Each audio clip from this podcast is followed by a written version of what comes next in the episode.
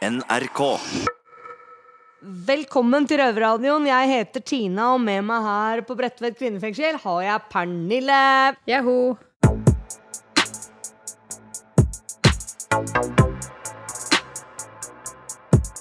Nytt år, nye muligheter, og vi starter året på best mulig måte. Pernille, vi skal få en gjest. Nemlig roman- og filmmanusforfatter Erlend Moe. Lo. Hvorfor sa jeg Loe. Erlend Lo. Ja. Heter han Lo eller Loe? Han heter Lo, Lo, ja. men det skrives Loe. Men Ja. uh, whatever, liksom. Ja. Um, han har jo vært en, Han er en veldig produktiv forfatter som har skrevet bl.a. Naiv super, Tatt av kvinnen, Doppler og Ikke minst eh, rumpemelk fra Afrika. Yes.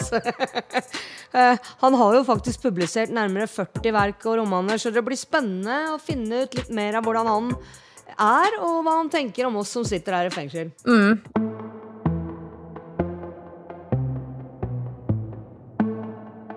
Ja, velkommen til oss, Erlend Lo. Takk. Vi har hørt at du sykler overalt, eh, og gjerne på enhjulssykkel. Syklet du hit til oss i dag? Eh, Jeg vurderte, men jeg skal nå etterpå, som gjorde at jeg ikke hadde tid. Det tar litt lengre tid på enhjulssykkel. Kanskje var det litt for glatt ut også? Nei, det gjør ingenting. Nei, nei. Ok. Jeg sykler eh, daglig. Ja. Hvordan var det du begynte å sykle på enhjulssykkel, egentlig? Litt tilfeldig, men eh, jeg prøvde en gang eller to da jeg var 14 år, fordi en kompis av meg hadde. Og så nå for et par år siden så var det en, eh, en som spurte om jeg ville være med å sykle Norge på langs, og så la han til på enhjulssykkel, og da begynte jeg å le, da. Men han, han tulla ikke, så han har planer om det. Jeg vet ikke om jeg skal bli med på det, men uh, da fikk jeg lyst til å se om jeg var, ville vært i stand til det. Så kjøpte jeg en, da. For- en åtte-ni måneder siden, kanskje. Og uh, så har det blitt en besettelse. Så jeg har liksom parkert de andre syklene. da. Er det vanskeligere, Hvor mye vanskeligere Det er, er, det på en det er jo absolutt vanskeligere, men når man har knekt den koden, så er det fryktelig morsomt og veldig stimulerende. Det er sånn konsentrasjonsgreie som jeg ikke har vært borti før. Eller sånn slags sånn hyperkonsentrert eh, eh, situasjon hele tida. For man må liksom, kroppen jobbe hele tida for å holde balansen. og eh, Man kan jo dette. Jeg har jo falt en del, men ikke sånn alvorlig. Ja, nå over til noe annet. Har du vært i fengsel før, Erlend?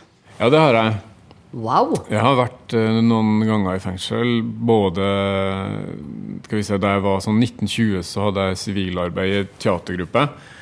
Da var jeg i fengsel noen ganger eh, og liksom opptrådt og spilt stykker og sånn. Og så har jeg som forfatter vært eh, en håndfull ganger i forskjellige fengsel og lest opp og møtt folk. Og i Halden har jeg vært og Jeg har også vært besøkt noen i fengsel, så, men det er ikke, det er ikke daglig. Hvordan føles det å være her?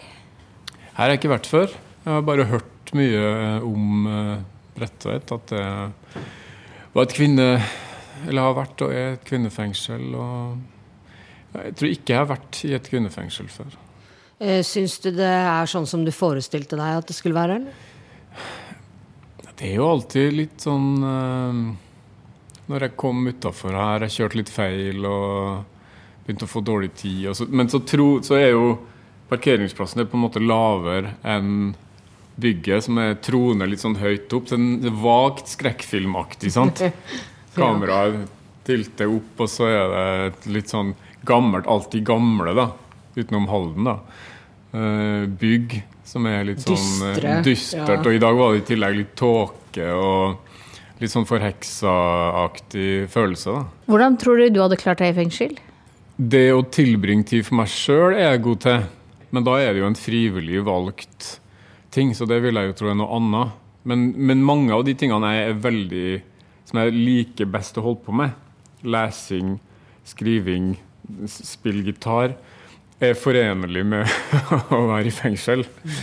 Men så tipper jeg jo at eh, Og der er det mulig jeg ikke vet, eller det vil jeg jo tro jeg ikke aner hva jeg snakker om, men de sosiale kodene, hierarkiet, posisjoneringa, eh, tror jeg ville ha vært dårlig på. Det, nå er jeg jo en stor og for så vidt sterk kar, eh, men hvis, hvis litt av det som, stemmer, eller som jeg har sett på filmer og serier opp gjennom årene, stemmer, så hadde jeg vært eh, malplassert i et fengsel. da.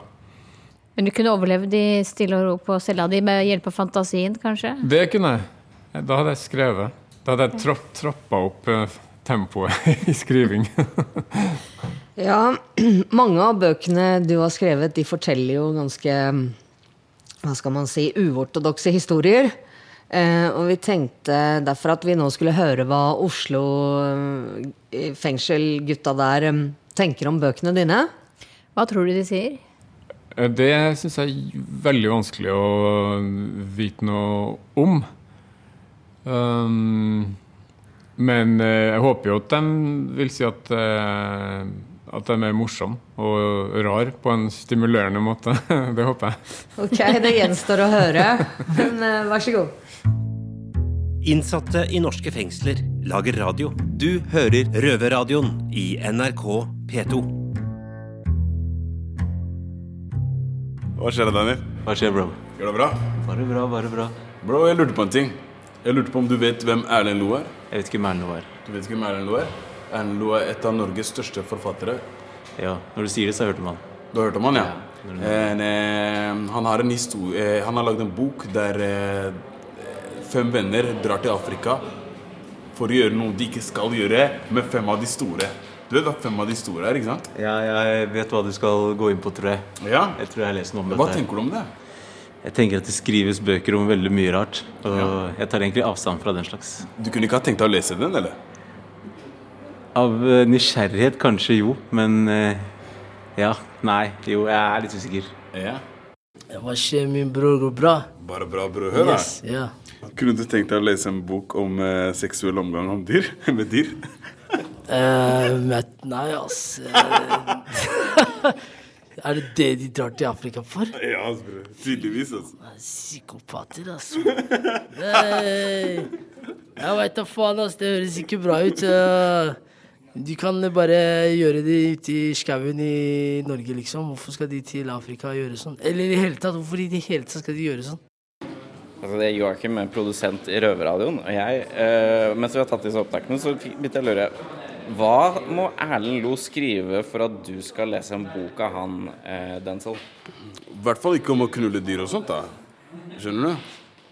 Men eh, Nei, jeg vet ikke, ass. Eh, kanskje litt sånn eh, Jeg vet ikke, jeg leser ikke så mye bøker. Men eh, sånn historie og sånn liker jeg. For nå, nå, nå har du muligheten. Nå kan du komme med en beskjed til Erlend Lo. Hva er drømmeboka di? Hva vil du at han skal skrive neste gang? Neste gang eh, Om sånne store menn. Store generaler i Jeg vet ikke. Som Djengis Khan. Sånne bøker som det der, eksempel. Så du vil at Erlend Lo skal skrive om Djengis Khan? Ja. Lover du å lese den hvis han gjør det? Jeg lover å lese den så, det, så, så lenge det ikke handler om seksuell omgang med dyr.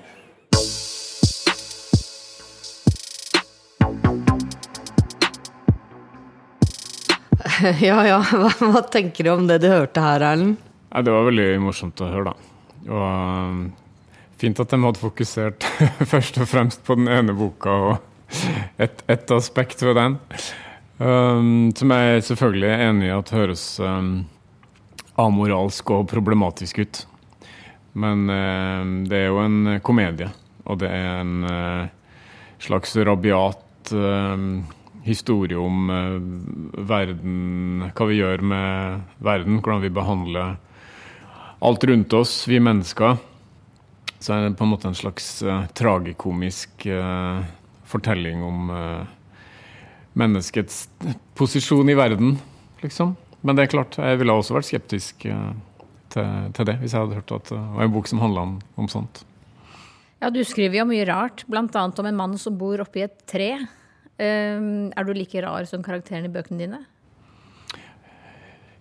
Nei, det er jeg nok ikke. Eh, jeg tror veldig mye litteratur, i hvert fall min, kommer vel fra, fra ting som jeg kunne Eller som jeg har tenkt, og som jeg kunne ha gjort, da. Men som jeg ikke gjør. Men eh, fantasien fortsetter der hvor mitt liv uh, start, Eller slutter, på en måte, da. Så Nei, jeg lever jo mer eh, normalt. Nå var vi jo allerede innom at jeg sykler på enhjulssykkel, som, er- som er i utkanten av det vanlige, kan man si. Du føler deg kanskje litt annerledes enn Det, vanlig da mann i får jeg mange blikk og kommentarer, og det lærer jeg meg å ignorere, da. Som en god øvelse, egentlig. Å lære seg å ikke ta hensyn til at folk kanskje tror at du er sånn eller sånn. Så det liker jeg. Som Det er veldig bra. Daglig øvelse i det.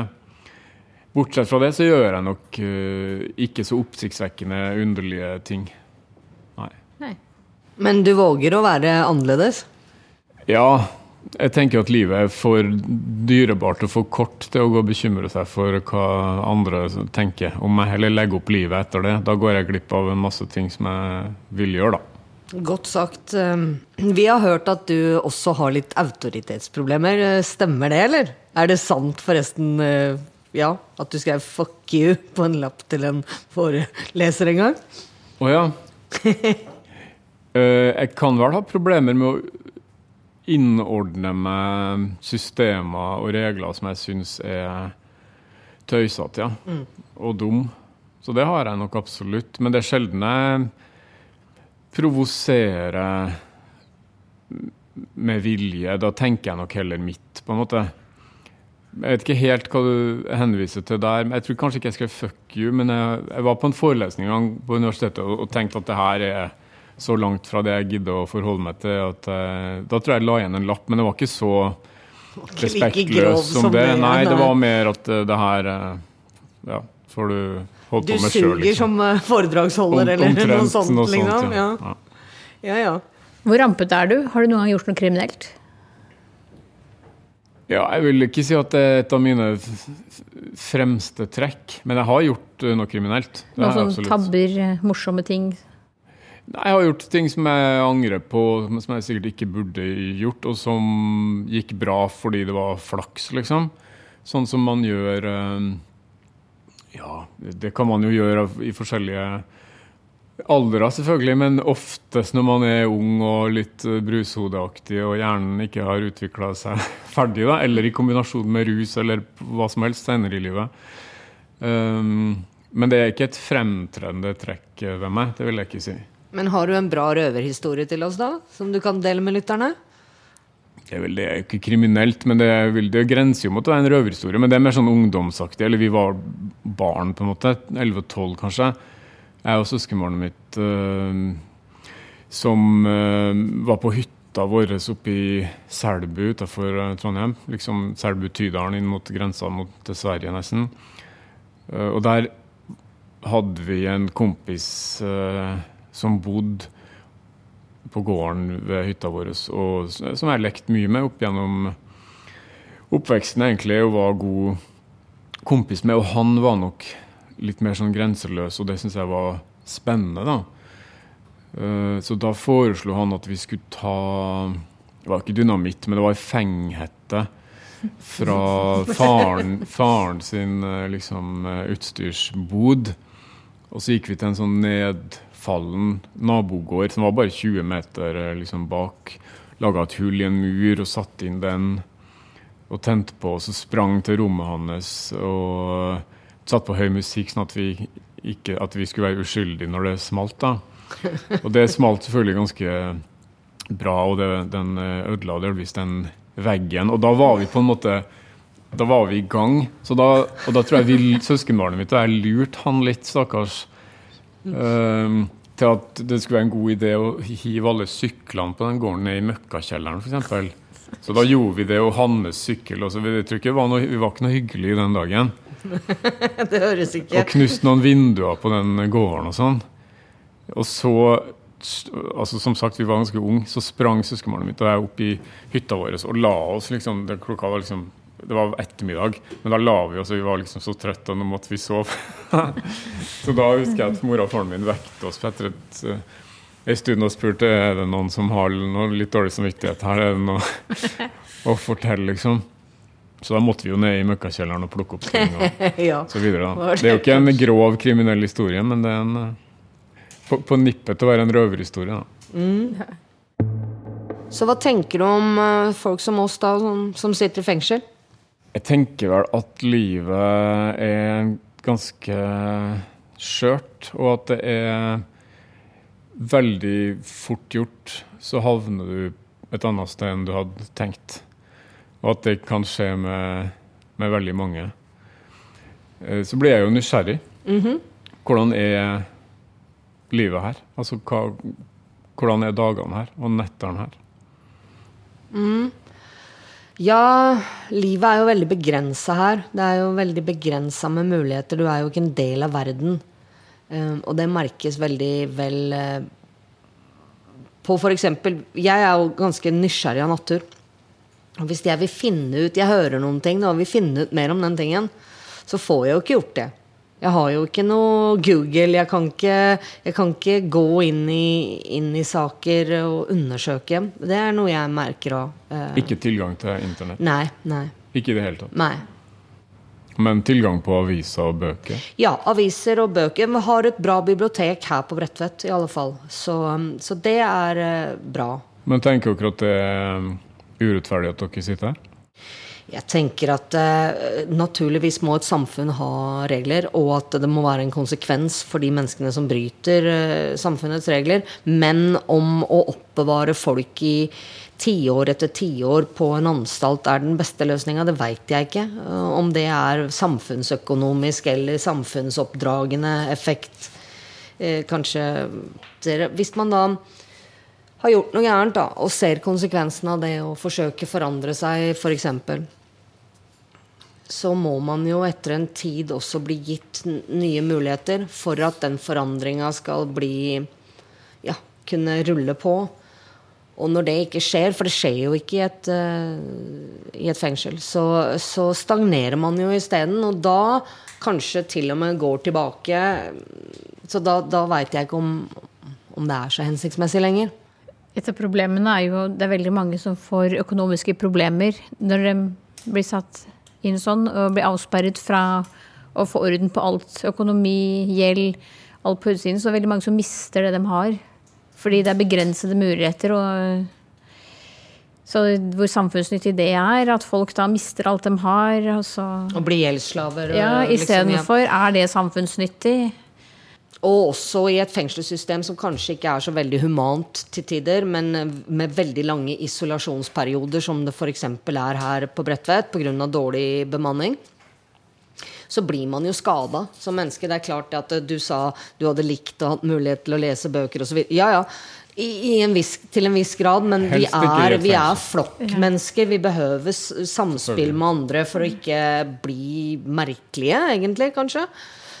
Mer samfunnsstraff hadde vel kanskje vært bedre sånn på sikt Ja, for hele. kanskje både samfunnsnyttig og, og, og økonomisk, ja. Men er det, er det mer rehabilitering enn Nei, det er jo ikke det. Det er jo det jeg, Det er det jeg sier, at det fins jo ikke. Det er bare å låse inn. Men er det systemet som legger opp til det, eller mangel på Det er penger? dårlige bevilgninger, rett og slett. Det er for lite penger. Så, og det gjelder jo ikke bare kriminalomsorg, det gjelder alle omsorgsyrker i, i Norge.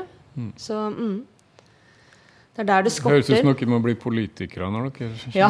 Stem på meg, så skal det bli barnehageplass til alle barna i byen. ja, du. Kanskje. gjør det. Om man tar en titt på bibliografien din, så ser vi at du har fått produsert utrolig mye. Hva tror du er grunnen til at du har fått til alt dette her? Jeg har mye energi, og jeg, har, jeg er veldig glad i det jeg holder på med. Så det, jeg føler at jeg gjør det som jeg mm, har mest lyst til å gjøre.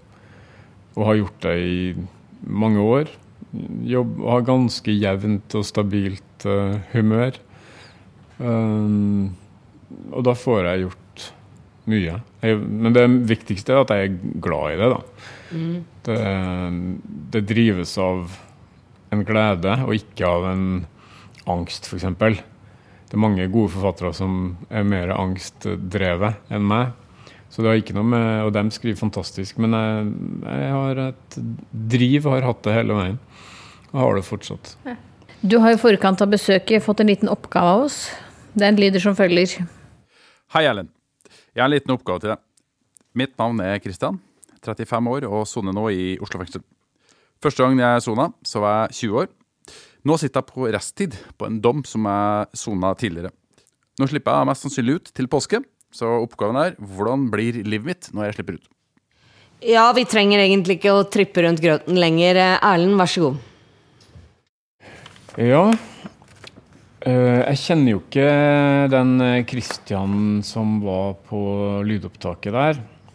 Men jeg skrev noen punkter om en Christian som kanskje kunne ha vært han på lyden, eller han som var der, eller meg, eller noen andre.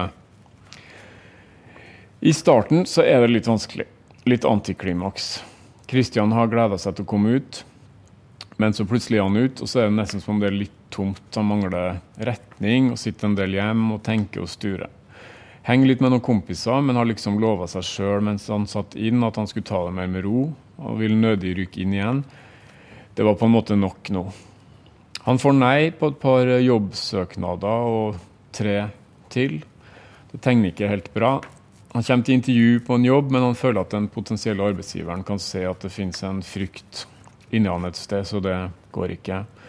Det blir noen småjobber her og der, litt cash i hånda. Han stepper inn for en kompis i et flyttebyrå. Kompisen har litt dårlig rygg og må ligge litt. Kristian blir sliten av lange dager med bæring, men liker det litt òg. Slukner med det samme han kommer hjem. Etter en stund går det bedre. Han kommer i god form, blir sterkere. Han blir med kollegaene ut og tar noen øl, innimellom, og det går greit. Treffer noen damer, men det renner litt ut i sanda. En dag sovner han på sofaen når han kommer fra jobb. Våkner litt sånn rundt midnatt. Umulig å sove mer.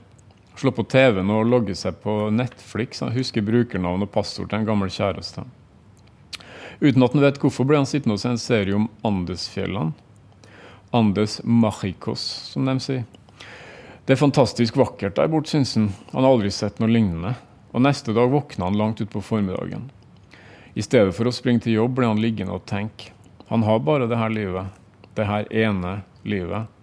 Den tanken har merkelig nok ikke, har han ikke tenkt før. Det er en mektig tanke. Og når den først er tenkt, så kan den ikke avtenkes. Den fester seg. Han begynner å jobbe mer enn før. Og i stedet for å drikke opp lønna, begynner han å legge penger til side. Det tar tid. Det tar veldig lang tid. Han begynner også å låne bøker på biblioteket om Andesfjellene, og, som er så lang, den fjellkjeden, sa de. I serien så jævlig lang. 750 mil.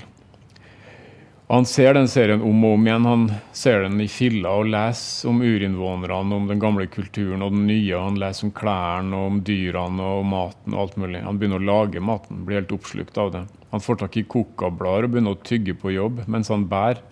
Det er ikke en rus, men det er godt likevel. Han bærer lettere liksom og går raskere i trappene. Etter nesten et år har han de pengene han trenger. Kjøper seg en flybillett og flyr til Argentina. Haiker til Patagonia. Det var det vakreste stedet i TV-serien. Han er høyt oppe i fjellene med endeløse skoger og elver og nesten ingen folk. Han finner en landsby hvor det brygges øl og lages god mat. Det kommer turister dit, men en avslappet type turister. Med det samme han kommer dit, så vet han at det er der han skal være. Han kan ikke språket, får seg et rom å bo på, han begynner å gå i skogen, i fjellet han går og går. Om kveldene sitter han i den lokale kafeen og plukker opp litt språk. Får seg en liten jobb på kjøkkenet. I starten uten lønn, men siden han er lett og lik, så baller det fort på seg. Plutselig hjelper han til med ølbrygging. og En fantastisk prosess, syns han. Smaker på øl og drikker det òg, men ikke så mye som før. Han trenger det ikke lenger. En søndag går han en lengre tur enn vanlig. Roter seg ned i en dal han ikke har sett før. Det begynner å regne, og han blir kald og sulten, og han må tilbringe natta ut. Får ikke til å tenne bål pga. regnet. Om morgenen er han forhutla og nedkjørt og karer seg videre. Så ser han et hus langt bort. Lite hus med røyk fra pipa. Og når han nærmer seg, ser han en kvinne som vasker håret sitt i en stamp på tunet. Hun retter seg opp når han kommer, og han elsker henne fra første stund. Det er som om hun har venta på han. Hele stedet har venta på han. Hun har sauer, så farger av ull og selv. Det er ikke stort hun trenger der ute. Kristian flytter rett inn, så er det dem to. Det har alltid vært dem to. De har bare ikke visst om det. Mariana heter hun. En natt drømmer Kristian om en maskin. Han husker alt når han våkner og skriver det ned, nesten som en automatskrift. Det er en slags bruksanvisning. Mariana hjelper han, og sammen bygger de maskiner, men det mangler noe. De kommer ikke helt i mål. Så drømmer Mariana resten av maskinen, og de bygger den siste delen. Det er en motor, viser det seg, som går på vann.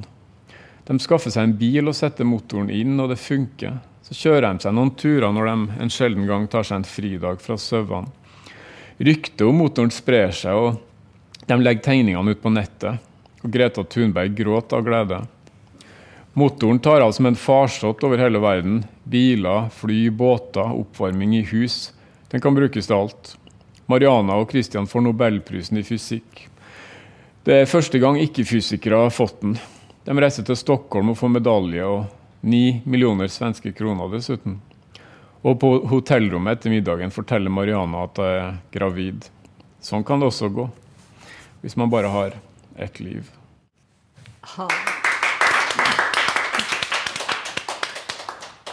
Ja, det var jo en fantastisk historie, da, Erlend. Det var det absolutt. Det var romantisk, da, kan man si.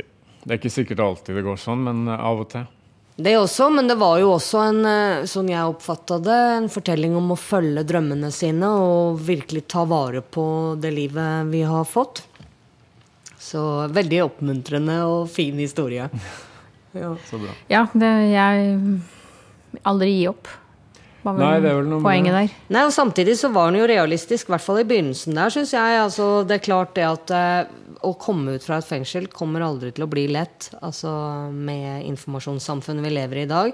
Det å få seg en jobb, starte på nytt, alt det der sånn, etter et langt Mm. eller kortere for den saks skyld, fengselsopphold, er en stor utfordring i seg. Så jeg håper at når min dag kommer, at jeg kan få en drøm om Andesfjellene og kan dra dit og følge drømmen min også, eller et annet sted. For det å starte nødvendigvis i det samfunnet vi er født og oppvokst i, er ikke nødvendigvis kanskje det beste. Nei, det skjønner jeg godt. Mm. Det kan være veldig befriende å dra til et sted hvor folk ikke kjenner deg, hvor de ikke hefter ved deg. Nemlig. Mm. Det ville nok jeg tenkt. Ja. Mens vi er inne på dette med framtidsutsikter, har du noen planer for i år, Tina? Ja, jeg tenkte vel at jeg skulle forsøke å spise litt mindre sjokolade. Men jeg veit ikke om det går.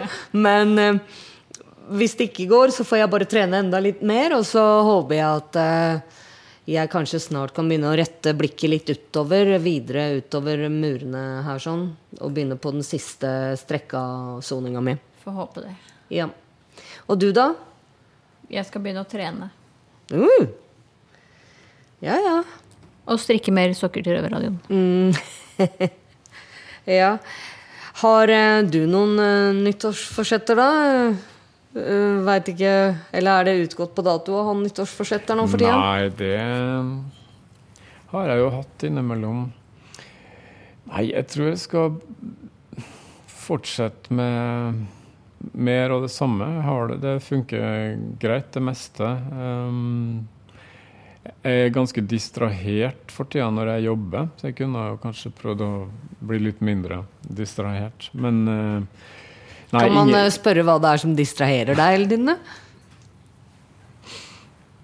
Nei, det er vel eh, en god, gode distraksjoner, vil jeg si. Livet har liksom endra seg litt og tatt noen ny retning og ny, ny konstellasjon. Eh, privat sett. Love is in the air, med andre ord. Ja, jeg det ante meg at det var det. Ja. Mye hjernekraft som går, går med Sånn er det med kjærligheten, ja. Men det er jo fint, det.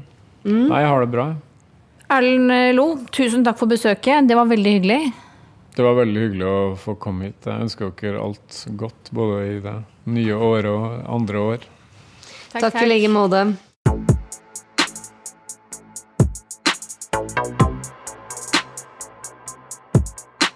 Selv om dette er begynnelsen av nye året, så begynner vi faktisk å nærme oss slutten av sendinga. Pernille? Ja, Hvordan syns du det har gått i dag? Nei, Det gikk jo nesten litt bedre enn forventa. Han var jo veldig lett å like. Erlend Lo og Ja. Han var det. Pernille, hvor er det folk kan høre oss nå for tida? De kan høre oss på P2 på lørdager halv fire, eller på podkast. Når du vil, og hvor du vil. Hva er topp? Hva skal du etterpå, da? Mm, jeg skal lese i den signerte boka jeg har fått. og du, da? Jeg skal også lese den. Vi fikk nemlig hvert vårt eksemplar av Dyrene i Afrika, som jeg nå er um, oppriktig spent på å lese. Men da så, da har vi en plan for dagen, og da er sendinga over. Takk for oss på Bredtvet, over og ut. Ha det. Røverradioen er laga for og av innsatte i norske fengsler. Tilrettelagt for streitinger av Rubicon for NRK.